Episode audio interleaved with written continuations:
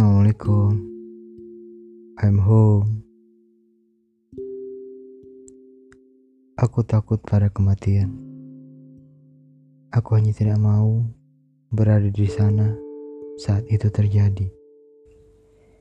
Yang kutakutkan adalah bukan bagaimana aku mati, tapi bagaimana orang-orang yang kutinggalkan nantinya.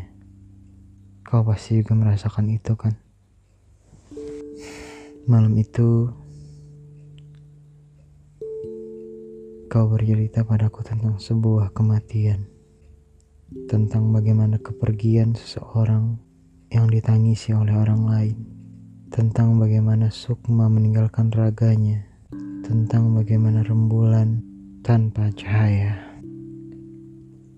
Terkadang ini bisa jadi kesedihan untuk yang ditinggalkan tapi ini juga bisa jadi sebuah kesenangan, kebahagiaan bagi mereka yang pergi, karena baginya hidupnya yang begitu menyakitkan, hidupnya yang begitu tak berarti, hidupnya yang dikutuknya saat itu juga berakhir, digantikan dengan sesuatu yang jauh lebih baik. Tapi tetap saja, aku, kamu, kita, semua manusia takut pada kematian. Kembali ke malam itu. Malam di mana kamu menceritakan kematian seseorang atas penyakit yang juga kamu derita.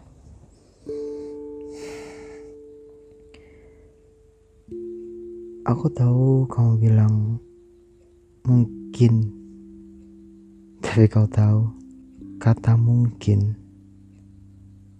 terkadang bisa menjadi terlalu menyakitkan untuk orang yang kehilangan harapan. Dan akulah orangnya. Beliau memang mungkin hanya meninggal karena penyakit bawaan saja, tapi sesuatu yang membuatnya tidak bisa bertahan adalah sesuatu yang sekarang ada di tubuhmu dan tentu saja aku mengkhawatirkan itu. Aku tidak tahu bagaimana nantinya jika kamu pergi. Pergi dariku, bahkan saat aku belum bisa memilikimu. Saat rasa belum bersatu, saat cinta masih pada dirinya masing-masing, saat setengah hidupku separuh nafasku, dan satu per dua dari keimananku belum menjadi diriku. Kau tahu bagaimana takutnya aku kehilangan sosokmu. Dan bagaimana nantinya derita yang akan kualami atas kepergianmu. Aku memang tidak seharusnya berpikir berlebihan seperti ini. Tapi pikiranku sekali lagi memang tidak bisa dibawa bekerja sama dengan baik. Dia terus saja memikirkan hal-hal yang tidak seharusnya dia pikirkan. Dia tidak seharusnya membuat tuannya khawatir seperti ini. Dulu kau pernah bertanya pada aku kan? Jika kau yang pergi terlebih dahulu, bagaimana hidupku? Bagaimana pendapatku? Tentu saja aku tidak akan mengizinkan kau pergi terlebih dahulu. Bahkan aku akan berdoa kepada Tuhan. Jika ia ingin mengambilmu terlebih dahulu, maka aku bersedia menggantikanmu. Ini mungkin terdengar terlalu gombal, tapi begitulah aku.